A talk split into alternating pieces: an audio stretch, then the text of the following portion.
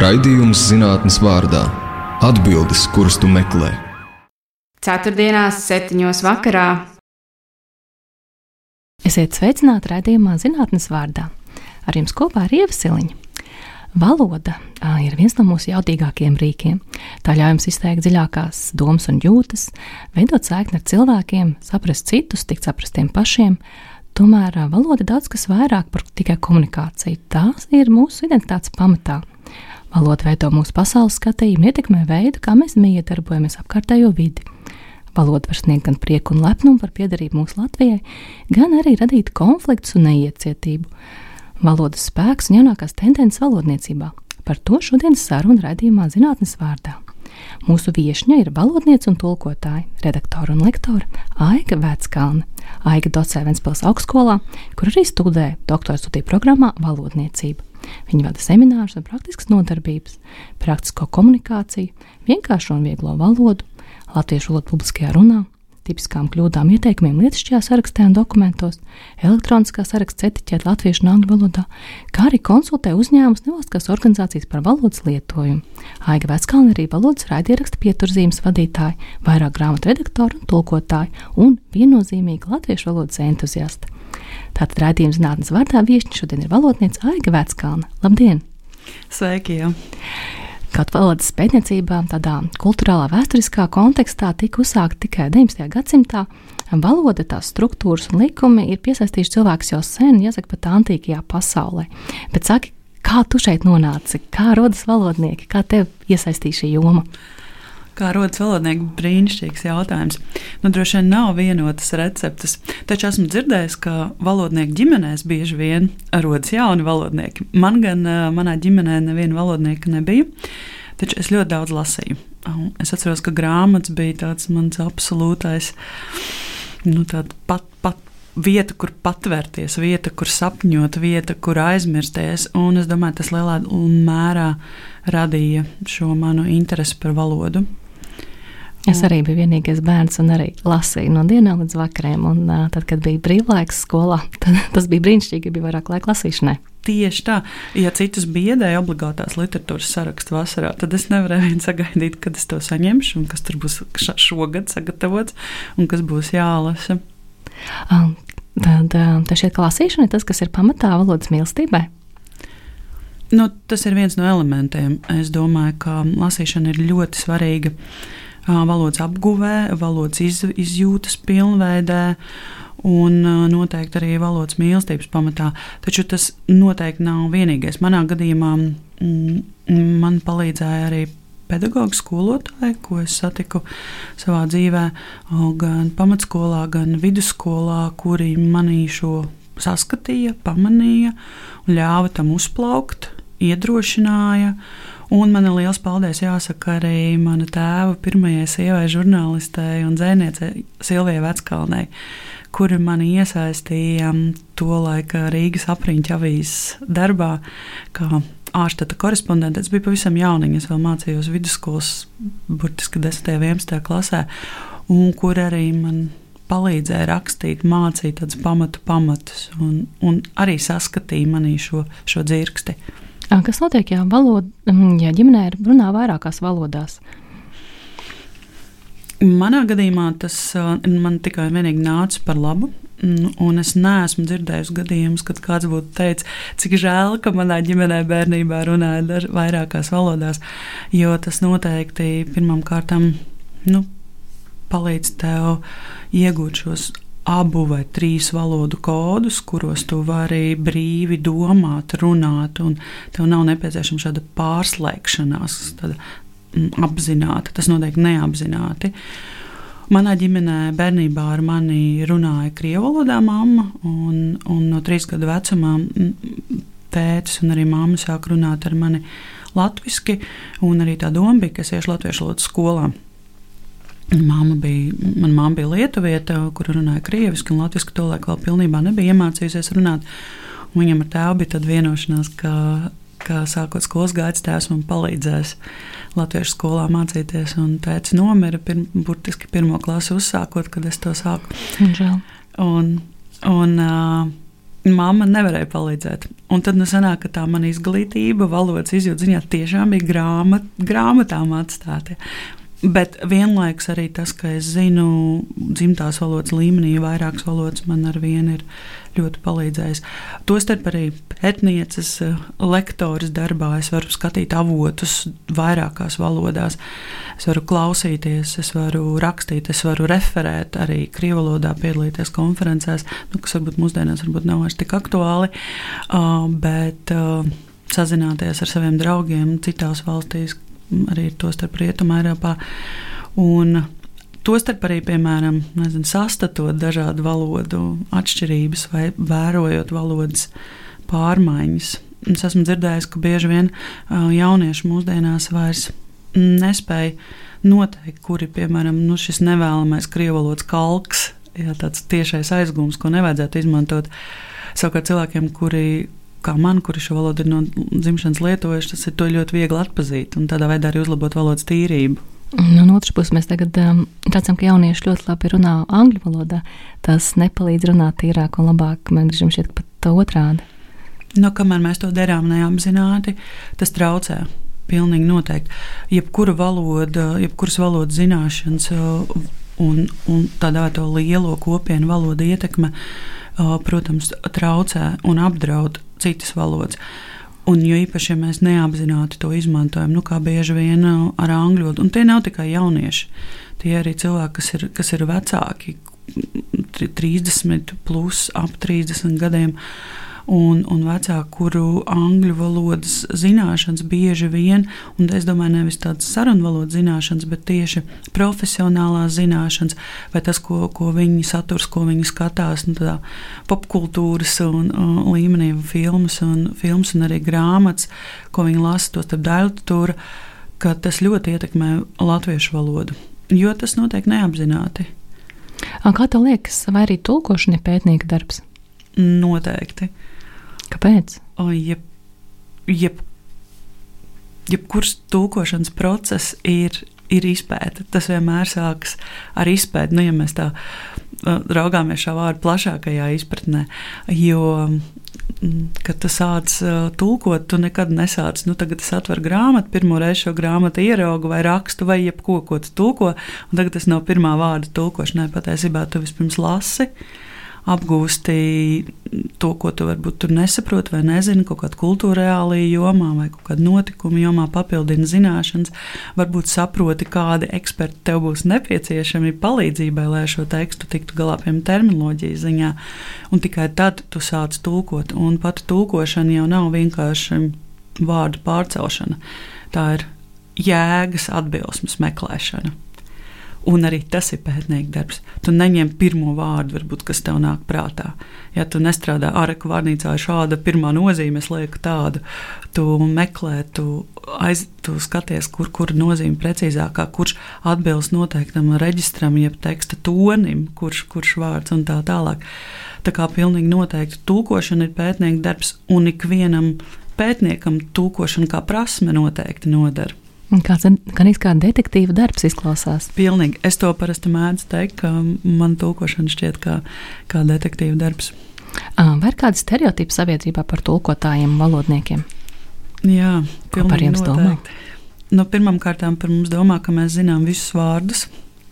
Un ka mums var uzrakstīt un pajautāt, ko nozīmē tas, vai kā pateikt šo, arī nedodot kontekstu jo nu, mēs taču zinām. Tad visbiežāk izplatītais stereotips, jā, ka tulkotājiem vai valodnieki ir kā tāds staigājošs vārnītis, kurš tev ikvienā mirklī izdos pareizo atbildi. Uh, vēl izplatīts stereotips noteikti ir tāds, ka tad, kad tu zini kādu svešu valodu, tu noteikti vari tulkot. Jā, tas ir dzirdēts, vai ne? Jā, Un arī tur, un es domāju, tas spilgti izpaužas tajā, cik dažkārt nekvalitatīvi ir tulkojumi. O, ka ne visiem ir šīs dotības, ne visiem ir šī valodas izjūta. Jo tulkošanas darbs jau pirmām kārtām nav par to valodu, no kuras tu tulko, bet par valodu, kurā tu tulko. Jābūt ļoti labai valodas izjūtai.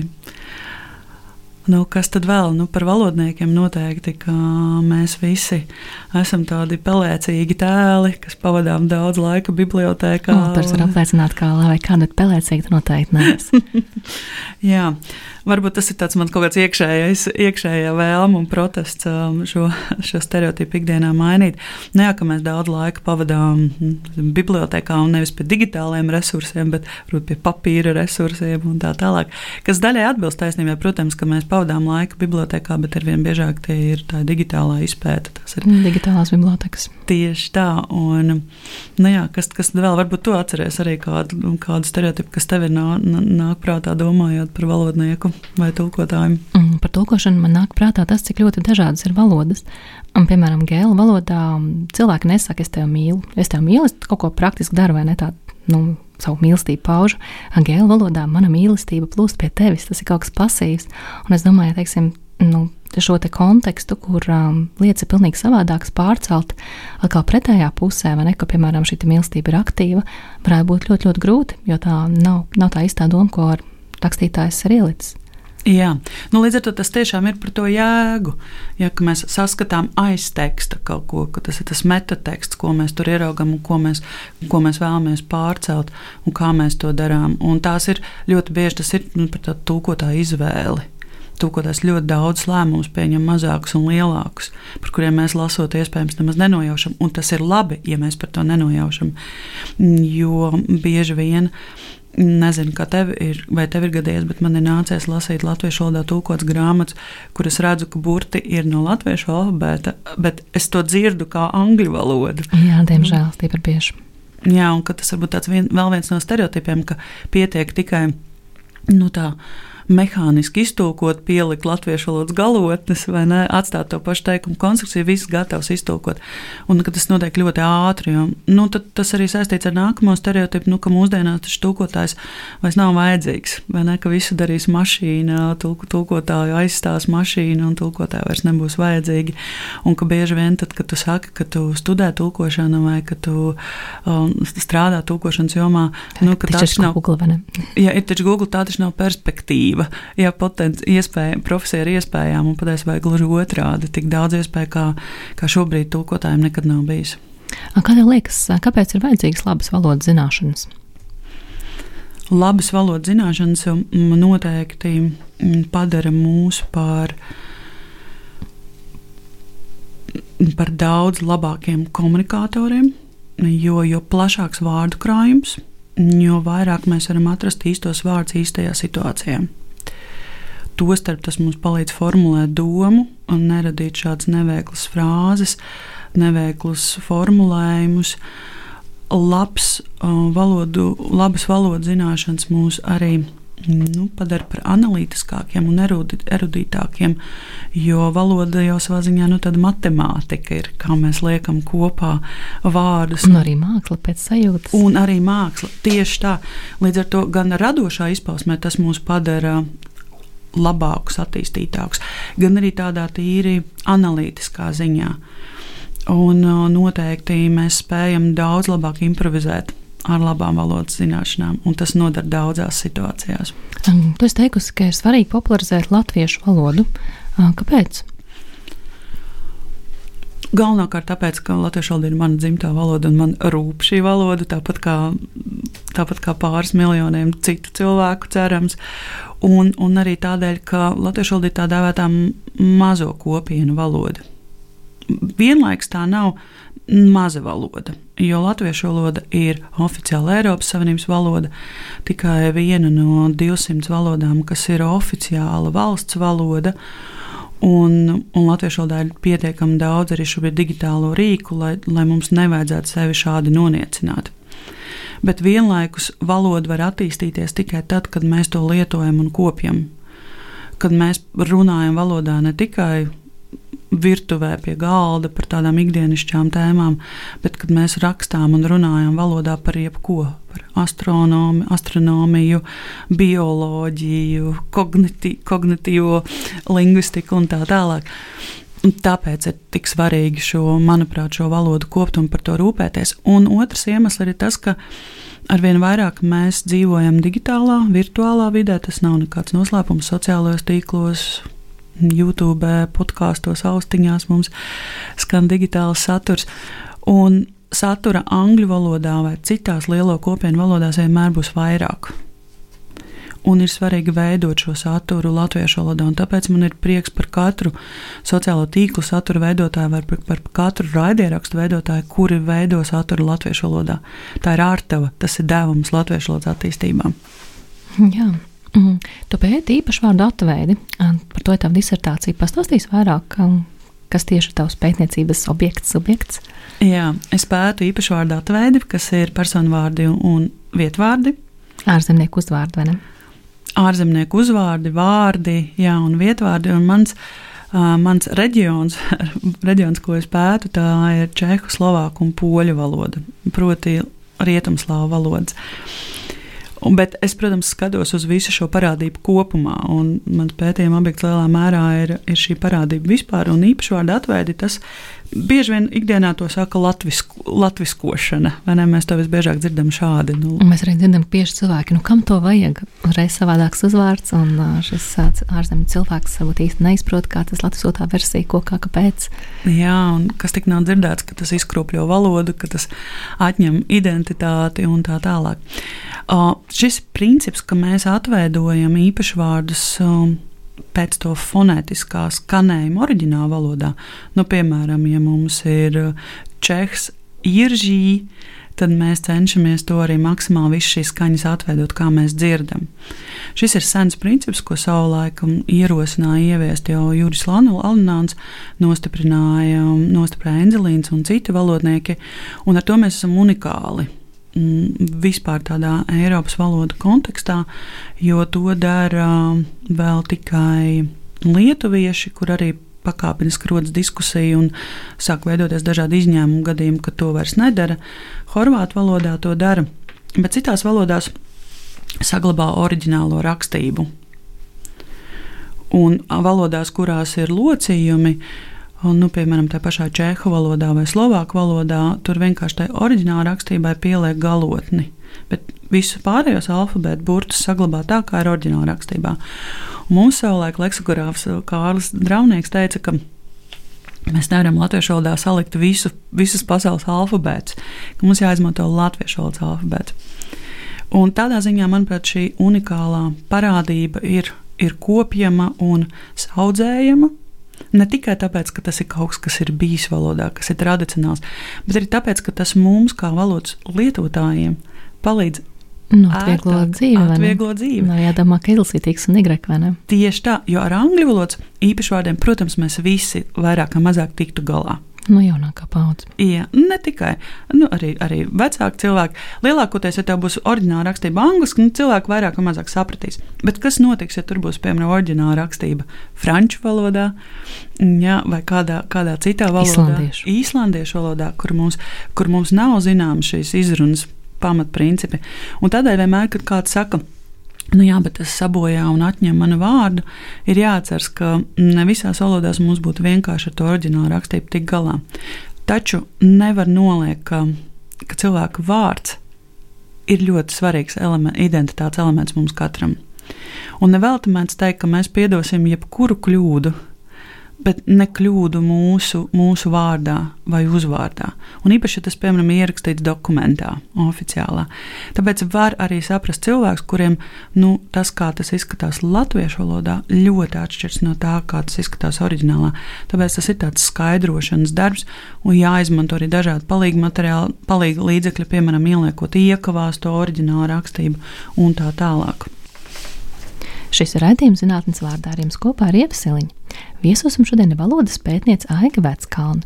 Iepriekš runājām par īpašvārdu atveidi, tagad gribētos turpināt par valodu tendencēm. Mēs tiekamies gadu mīs laikā. Atskatoties uz aizejošo 2022. gadu, saki, Aiga, kādas tendences valodā tu redzi? Kas ir bijis un kas gaidāms nākotnē?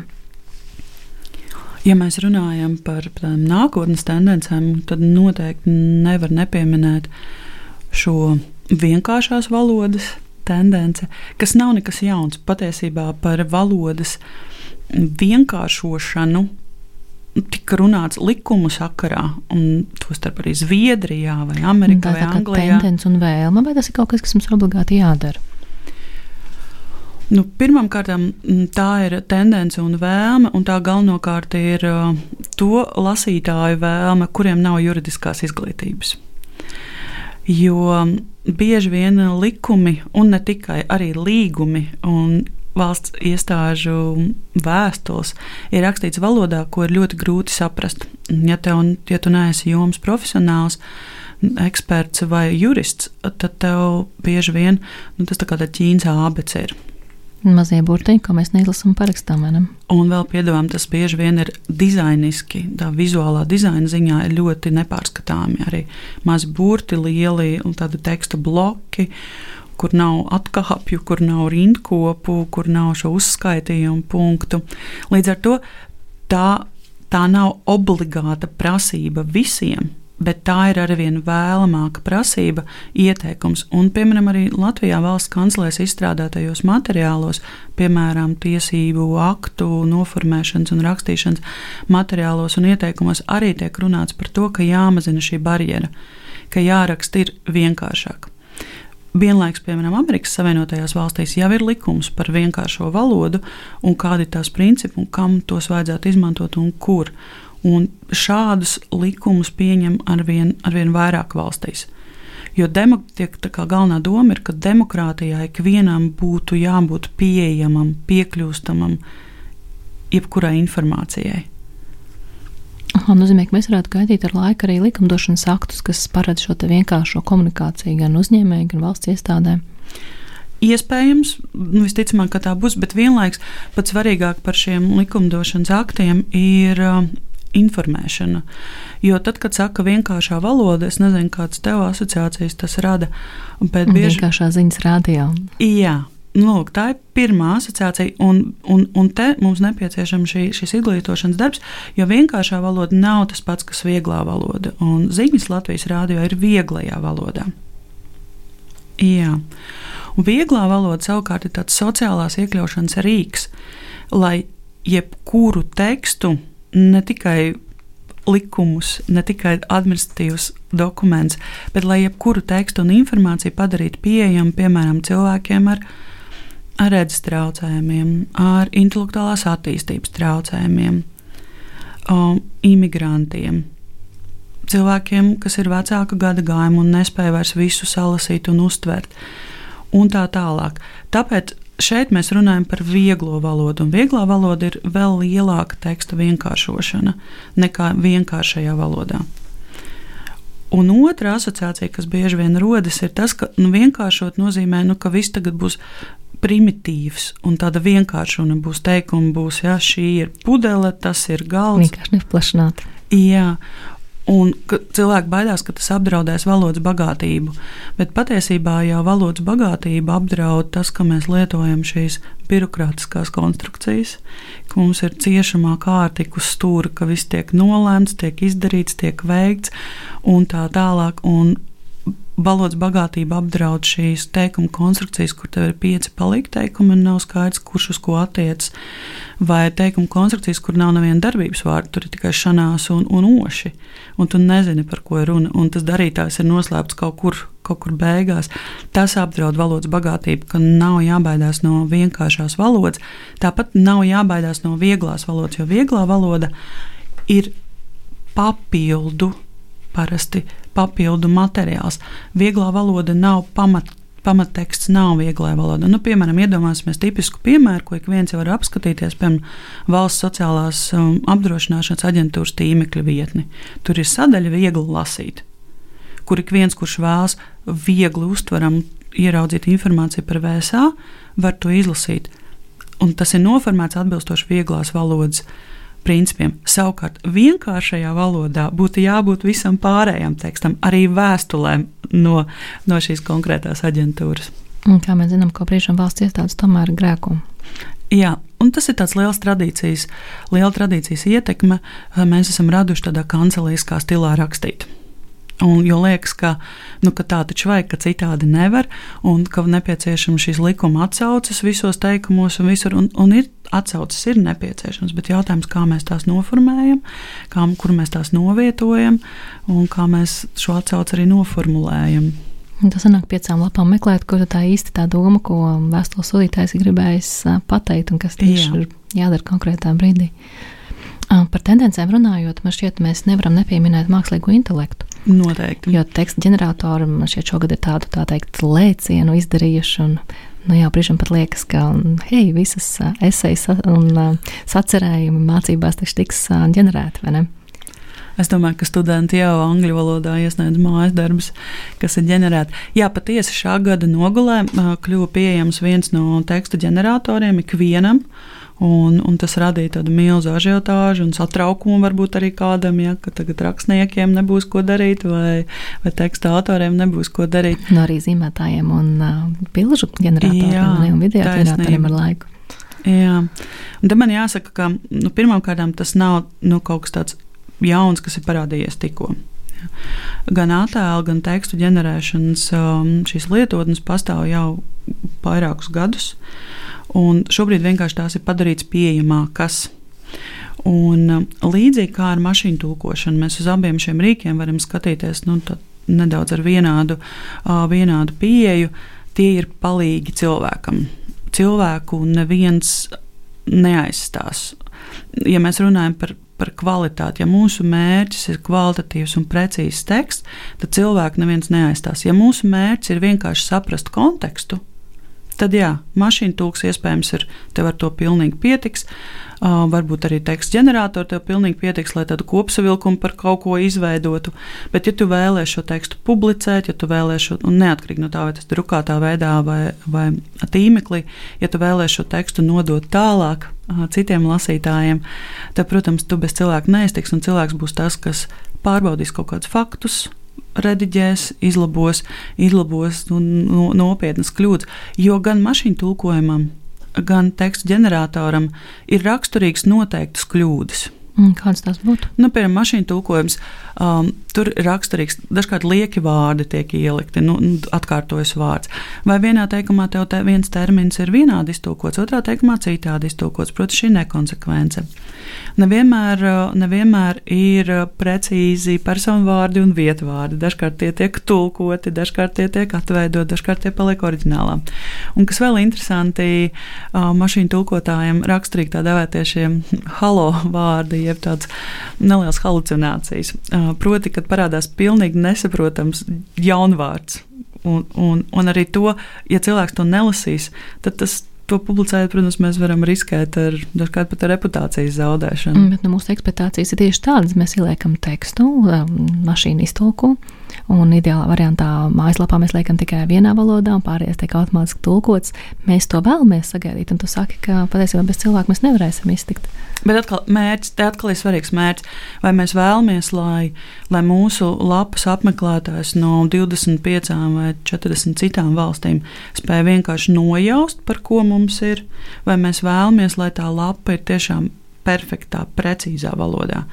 Nu, līdzīgi, nu, piemēram, parunājam par mm, meklētāju optimizāciju, kas darbojas ikvienā me meklētājā, arī Google, tā dēvētais SEO jautājums, vai teksts, ko mēs ģenerējam, piemēram, šajā slavenajā tekstu ģeneratorā, vai tas ir paredzēts cilvēku lasīšanai, vai SEO, vai šiem meklētāju optimizācijas rīkiem, šiem zirnekļiem, kā tos dažkārt sauc. Tie ir dažādi mērķi. Ja tas ir paredzēts cilvēkiem, jā, mums būs vajadzīgs cilvēks, kas šo tekstu izrediģēs. Ja tas ir paredzēts SEO un mums svarīga kvantitāte, Pastāsti, kā šie zirnekļi strādā?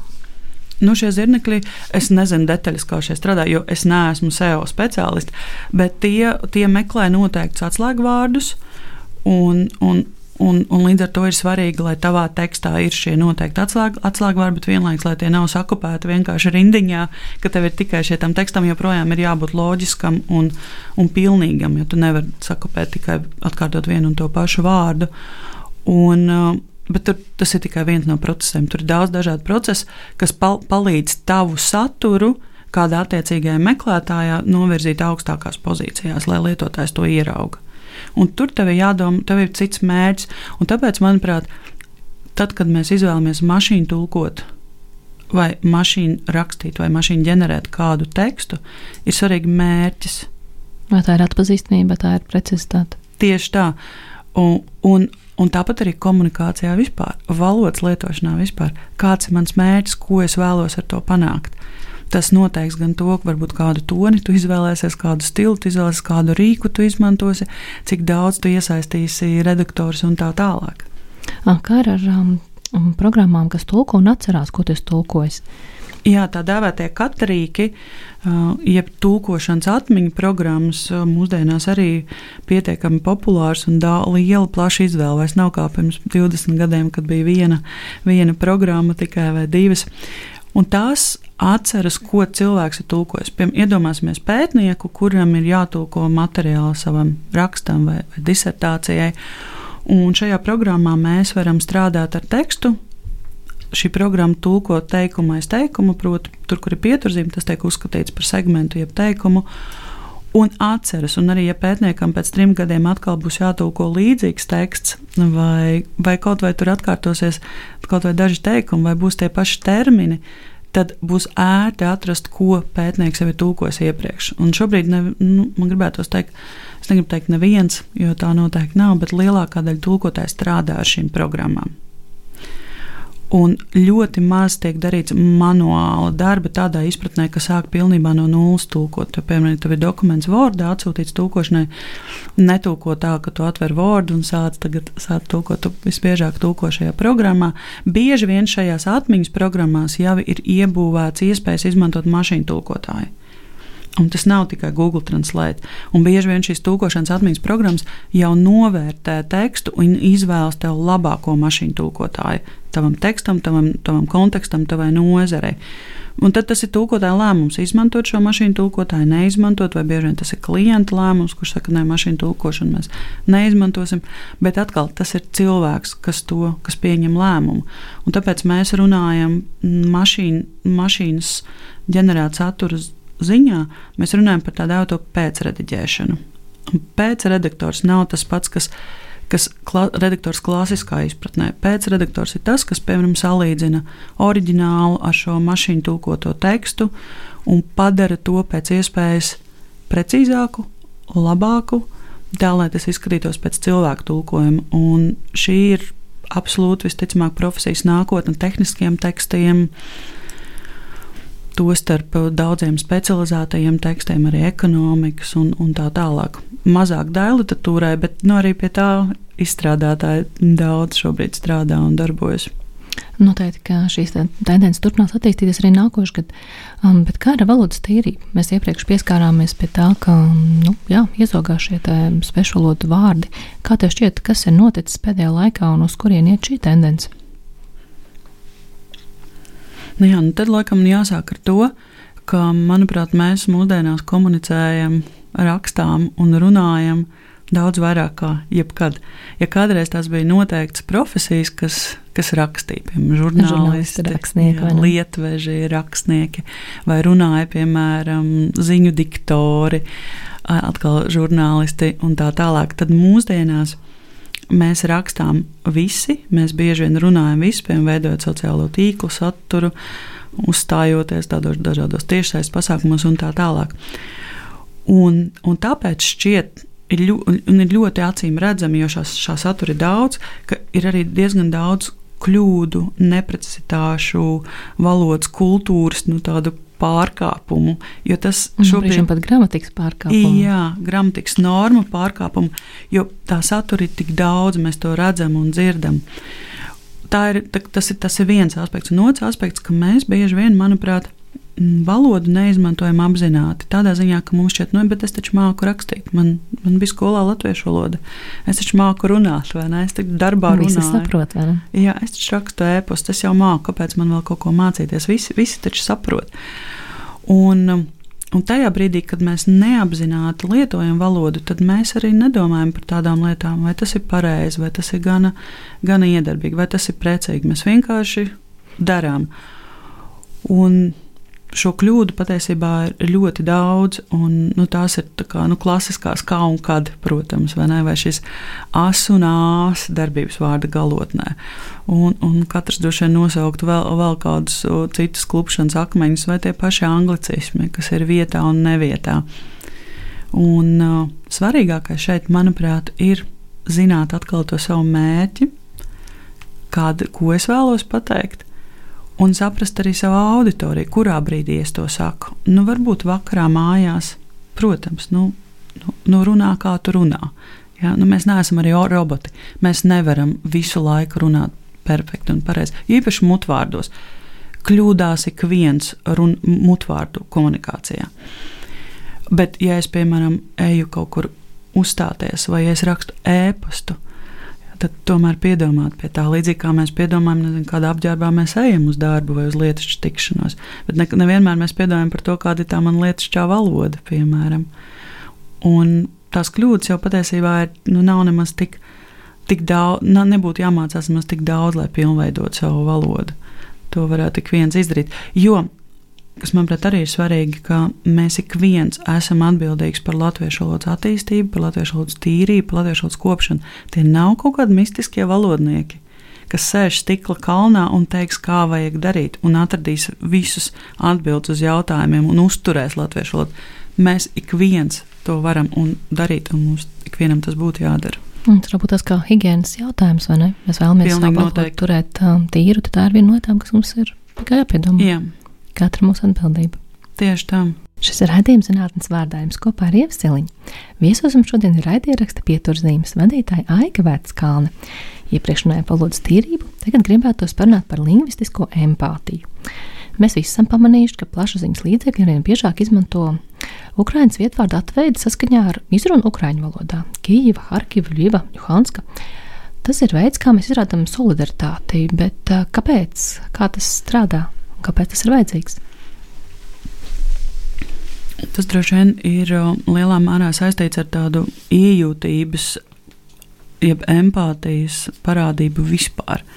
Un tā lingvistiskā empātija ir viena no tām izpausmēm. Proti, ja kāds mūs lūdz darīt kaut ko, mm, vai ja kāds lūdz nedarīt vairs kaut ko, jo tas kādu aizvaino un tā tālāk, tad mēs parasti ieklausāmies nu, visbiežāk. Un, uh, un ņemam to vērā, un to pašu var attiecināt arī uz valodu. Un tas, ka mainās vietvārdi, tas patiesībā nav nekas jauns.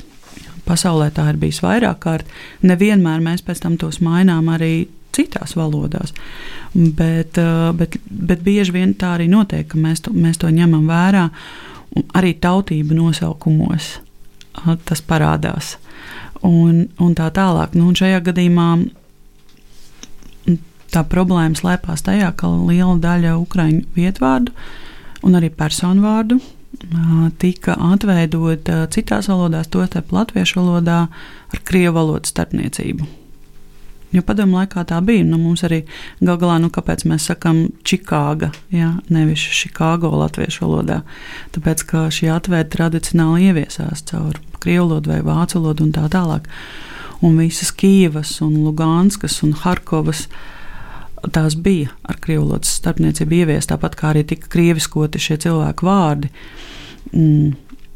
Volodimirs vai nebija Vladimirs, un Olga bija Olga un tā tālāk. Un tāpēc šāds process notiek šobrīd. Latviešu valodas personu vārdu atveids vārnīca tiek nepārtraukti papildināta ar personu vārdiem, piemēram, personu vārdu atvēlde LV. Tur jau diezgan daudz ir gan ne tikai ukrāņu, bet arī baltkrievu personu vārdu, kas ir atveidot saskaņā ar ukrāņu vai baltkrievu valodas izrunu, nevis krievu valodu. Un tāpat arī pateicoties tulkotāju un citu kultūras darbinieku iniciatīvai, tika arī panākts tas, ka valsts valodas centrs pārskata arī šo vietvārdu atvērt latviešu valodā. Jo patiesībā par lielajiem uh, vietvārdiem, nu, piemēram, Kīva un tā tālāk, par tiem jau tika lēm, lēmts un runāts savulaik. Un, um, Daži vietvārdi jau tika latviskoti citādi, jeb atveidot citādi jau pirms vairākiem gadiem, bet, to, bet tajā laikā tika lēmts, nu, ka neaiztiks piemēram šo Kīvu, jo tā tomēr tradīcija uh, un tā tālāk. Un tagad tas, tas, nu, tas notiek, un tas, manuprāt, ir skaistums tajā lingvistiskajā empātijā, ka mēs ieklausāmies, kā otrs cilvēks vēlas, lai mēs sakām vai nesakām. Um, bet, um, kā izslēgt to, ka nejauši sanāk neieklausīties, nepateikt ko tādu, ko um, otrs cilvēks um, kā, uztver kā zin, sāpinājumu? Kas ir tās jūtīgās sfēras, punkti, kategorijas, kā saprast, kas, kurā brīdī kur meklēt informāciju, ja gribās būt um, lingvistiski empātiskam? Pirmkārt, jau droši vien jāsaka, ka līdzīgi kā mutvārdos komunicējot, mēs nevienmēr spējam būt maksimāli pareizi un, un tīri un, un perfekti valodā. Līdzīgi arī ar šo lingvistisko empātiju, jeb citu cilvēku iekļaušanu.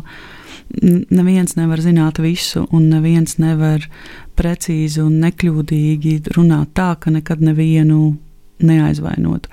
Manuprāt, šeit ir jautājums par to, vēlmi mācīties, par vēlmi būt apzinātākam un par vēlmi ieklausīties. Tāpat kā jebkurā iejūtībā, arī citās situācijās, lielā mērā tas jau ir par to, ka mēs ieklausāmies vai uzdodam jautājumus. Un tāpat tas notiek arī valodā. Ir labi zināt šīs lielās kategorijas. Nu, atcerieties, kādreiz bija tāds joks, vai ne, ka nedrīkst runāt pasākumos, kuras bija tās tēmas, ko nedrīkst runāt par reliģiju, politiku un seksu. Jā, lielais rineks. Jā, un tad, attiecīgi, ja mēs runājam par tādu iekļaujošu komunikāciju, lai mēs kādu neaizvainojam vai neizplatām stereotipus nevajadzīgus aizspriedumus, tad parasti tiek uzskatīts, nu, ka viena no tām ir tautība, dzimums, vecums, invaliditāte vai slimība, vispār di diagnoze. Arī reliģiskā piedarība, mm, seksualitāte, noteikti arī, arī partnerattiecības, laulība un tā tālāk. Nu, tātad šīs kategorijas, kas jau ir skaidrs, ka tās ir sensitīvas savā ziņā. No otras puses, tieši tās ir tēmas, ko ģimenes vakariņās visas vecmāmiņas mēģina noskaidrot. Jā, jā, tieši tā. Jā. Un, un tas ir stāsts par to, par ko mūsdienās daudz runā par dažādību, par dažādības vadību. Par to tiek par iekļaujošu sabiedrību. Ne? Tas, tiek, tas ir ikdienas temati, ko mēs ik pa laikam dzirdam. Un, un līdzīgi ir arī valodā, ka mēs nenoniecinām šo atšķirīgo, nenoniecinām šo dažādo, un arī bez vajadzības to neizceļam. Nu, piemēram, bieži vien mēs pilnīgi lieki pasakām, nu, ka tāds un tāds cilvēks ar tādu un tādu slimību, vai ka viņš ir ratiņkrēslā, viņš kaut ko izdarīja bet tas nav svarīgi. Mēs jau neprecizējam, ka cilvēks ar, ar divām kājām izdarīja to un to, vai ka baltais cilvēks izdarīja to un to. Mēs bieži vien pieliekam šos marķējumus uh, situācijās, kur mums ir kaut kādi stereotipi vai aizspriedumi par to. Tas nozīmē, ka mēs gribētu ar valodu nediskriminēt. Tas nozīmētu uh, runāt par cilvēku kā tādu. Cilvēks vispirms. Jā, tas ir galvenais princips šādā, šādai iekļaušanai, gan valodā, gan, gan iekļaušanā sabiedrībā vispār, ka cilvēks ir vispirms, ka nav svarīga viņa diagnoze. Es te nerunāju par ap, ārsta apmeklējumu, protams, tur, tur tas ir svarīgi vai citās situācijās, bet ikdienā ziņu virsrakstos tas nav, nav svarīgi. Jā, vai... Balts heteroseksuāls vīrietis izdarīja to un to. Jā, vai bieži vien mēs redzam ziņās rakstīts, turpmāk šo un šo uzņēmumu vadīs sieviete vai mēs kādreiz esam to rakstījuši par, par uzņēmumu, kuru vadīs vīrietis. Nu, nē, mēs to nerakstām. Vienkārši jauns vadītājs mēs sakām, vai ne? Un tā tālāk, vai šīs mārketinga meitenes, nu, tāds klasisks piemērs, ka mēs kolēģis dažkārt saucam par meitenēm, bet ne visus kolēģus mēs, piemēram, nesaucam tajā pašā laikā citu departamentu kolēģis par zēniem. Jā, ar meitenēm tā ļoti vienkārši mums, tas iznāk. Kā ir ar um, emociju zīmēm? Vai tā nav jauna valoda, kurā mēs mēģinām izrādīt uh, savas uh, sajūtas, arī tā skaitā empātiju un uh, patikšanu, simpātijas? Emociju zīmes ir pavisam noteikti jauna valoda. Un, uh, tas, ko es dažreiz smējos, ka tas, ko savulaik neizdarīja Esperanto, kā šī mākslīgā valoda, ko mēs visi varētu apgūt un, un sazināties, to lielā mērā dara emociju zīmes. Un mūsdienās tās ir tik pieejamas un tik populāras, un ienāk arī lietas šajā sarakstā. Nav tā, ka emociju zīmes ir tikai WhatsApp vai Facebook vai citu veidu ziņojumos, sociālo tīklu komentāros. Nē, arī e-pastos arvien biežāk parādās emociju zīmes.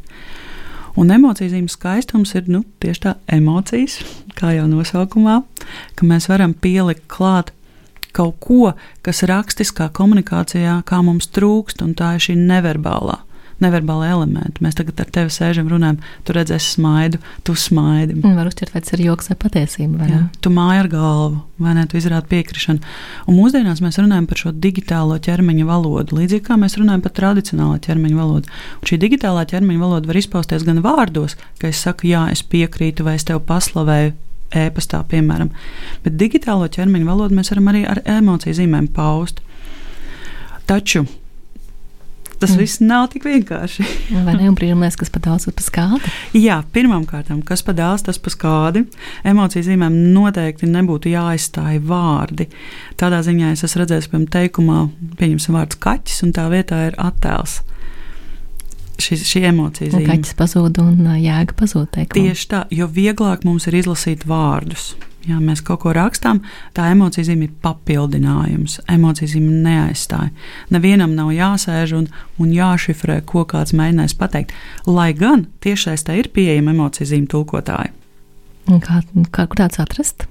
Vienkārši iemetot Google, jāieraksta emociju zīmju tulkotājs un, un parādīsies. Savulaik, es nezinu, kā BBC tas beidzās, bet savukārt bija pat sludinājums, ka BBC meklēja cilvēku, kurš tulkotu ziņas emociju zīmēs. Bet labā precīzā saziņā emociju zīmes ir papildinājums. Un otra lieta, kas jāņem vērā ar emociju zīmēm, ka, ja mēs uzrakstīsim kaut ko pasīvu, agresīvu, sarkastisku un nelaipnu, smaidiņš neizglābs to un nemazinās to nelaipnību un agresivitāti. Un dažkārt mēs to aizmirstam. Šķiet, nu es tur pielikšu smaidiņu galā. Nu, tas līdzīgi kā mēs uzrakstām nelaipnu vēstuli un uzrakstām beigās, nu, jauku dienu vēlot. Tas neglāb situāciju, emociju zīme. Ir lielisks papildinājums tad, ja mēs jau komunicējam laipni un, un pieklājīgi.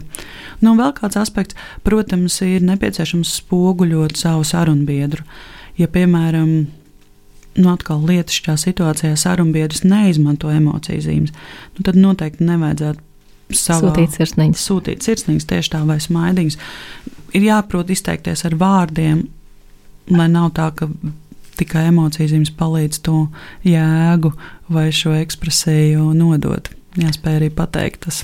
Un tagad arī sociālajā tīklā man šķiet, ir um, tāda platforma, kas paredz savādāku runāšanas veidu. Tu nevari izmantot ne savu ikdienas komunikācijas veidu, ne arī lietišķo komunikāciju. Jā, nu tur veidojas savā veidā tāds jauns, jauns stils, jaun, jauns valodas paveids. Lai gan vienlaikus, protams, saka, ka sociālajos tīklos galvenā atslēga ir šis autentiskums, būt, būt tādam, kāds tu esi.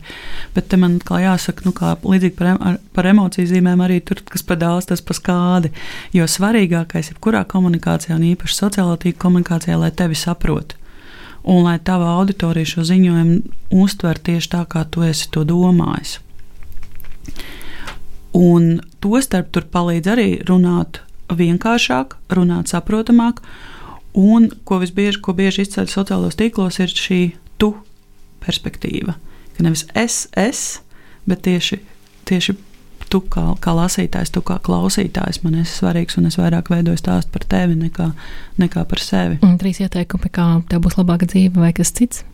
Jā, piemēram, jā, nu, vispār, protams, ciparu izmantošana vai dažādu zinkāru rosinātāju izmantošana tā arī lielā mērā raksturīga vai iesaist rosinātāju. Nu, piemēram, ja mēs runājam par, par skaitļiem, tad, protams, tie vienmēr paliek septiņi padomi, kā, ja, vai 23 iemesli, kāpēc, bet arī kaut vai aicinājumi rīkoties. Piesakies, iesaisties, reģistrējies tieši šajā tu vai jūs formā. Nevis lūdzu reģistrēties, bet reģistrējies. Viss tā ir cita temperatūra, tas ir tāds cits. Cits iesaists līmenis, un nevelti to sauc arī par, tādu, par iesaists rosinātāju vārdiem. Un arī atdalīts, um, atdalīts domas, lai nav viss vien, vientabīgā tekstā. Nu, to vajadzētu, es domāju, mums ikvienam atcerēties, ka jo garāka rinkopa, jo grūtāk to būs uztvert un izvairīties pēc iespējas no tādiem, no tādiem blokveida tekstiem. Ir tik daudz iedarbīgi līdzekļi, kā no tā izvairīties. Kaut vai uzskaitījumi, kaut vai salikt šos punktus, vai, vai numerāciju, vai kaut vai sākt rakstīt jaunā rindkopā. Un pilnīgi jauna sfēra, man liekas, nākotnes valodniekiem būs tik daudz ko pētīt. Pilnīgi noteikti, jā. Un, un šī pētniecība jau notiek, jau mēs varam atrast ārzemju pētījumus gan par vienkāršo valodu, gan par vieglo valodu, arī par iekļaujošo valodu. Un Latvijā mēs šobrīd praktiski to sākam izmantot, par to sākam runāt. Arvien lielāka interese par to ir tostarp arī saistībā ar jauno Eiropas um, direktīvu, kas tiks ieviesta 2025. gadā un kas paredzēs, ka finanšu iestādēm, tostarp bankām un citām iestādēm, būs savi dokumenti gala patērētājiem jānodrošina B2 līmenī. Un šis ir šis kopējais Eiropas Eiropas tāds um, pamatno, kopējās Eiropas pamatnostādnes par valodas zināšanu līmeņiem, un B2 nu, tad ir pa vidu starp, ja mums A1 ir iesācēji un C2 ir dzimtās valodas runātājs, tad B2 ir kaut kur pa vidu. Amerikā to jau sen, sen vienkāršās valodas sakarā dara, un to apzīmē ar 8. klases līmeni. Proti, ka to saprot skola, 8. klases skolēni. Tā ir ļoti vajadzīga lieta man šķiet mūsdienās mūsu banka sistēmā. Nobeigumā, kāda ir tava nākotnes plāna attiecībā uz valodas pētniecību? Mani aizrauja mans disertācijas temats, proti, šī īpašvārda atveide, un mans plāns ir pabeigt doktorantūras studijas, beidzot Aizstāvis. nokārtot vēl vienu eksāmenu un aizstāvēt pirmo variantu, lai es pēc tam varu pabeigt savu gala variantu. Un vienlaikus man ļoti interesē piekļūstamība, informācijas piekļūstamība tādā plašākā kontekstā. Tur iekļaujas gan šī vieglā valoda, gan vienkāršā valoda, arī šī iekļaujošā valoda. Tas ir mans interesu lokus plašs. Nu, lai izdodas. Paldies! Um, paldies, Aiga! No sirds priecājos taviem panākumiem. Novēlu turpināt uh, sasniegumus un lai izdodas aizstāvēt disertāciju. Atgādinu, ka redzījumā zinātnes vārdā viešņa bija valodniece Aiga Vētskalna. Studijā bija Ieva Siliņa. Lai sakot jaunumiem mūsu radio, atcerieties piesakot atrādio un ap kanāliem, sociālajos tīklos Facebook, Twitter un Instagram. Lai jums visiem raids vakars! Atā! Raidījums zinātnes vārdā - atbildes, kuras tu meklē.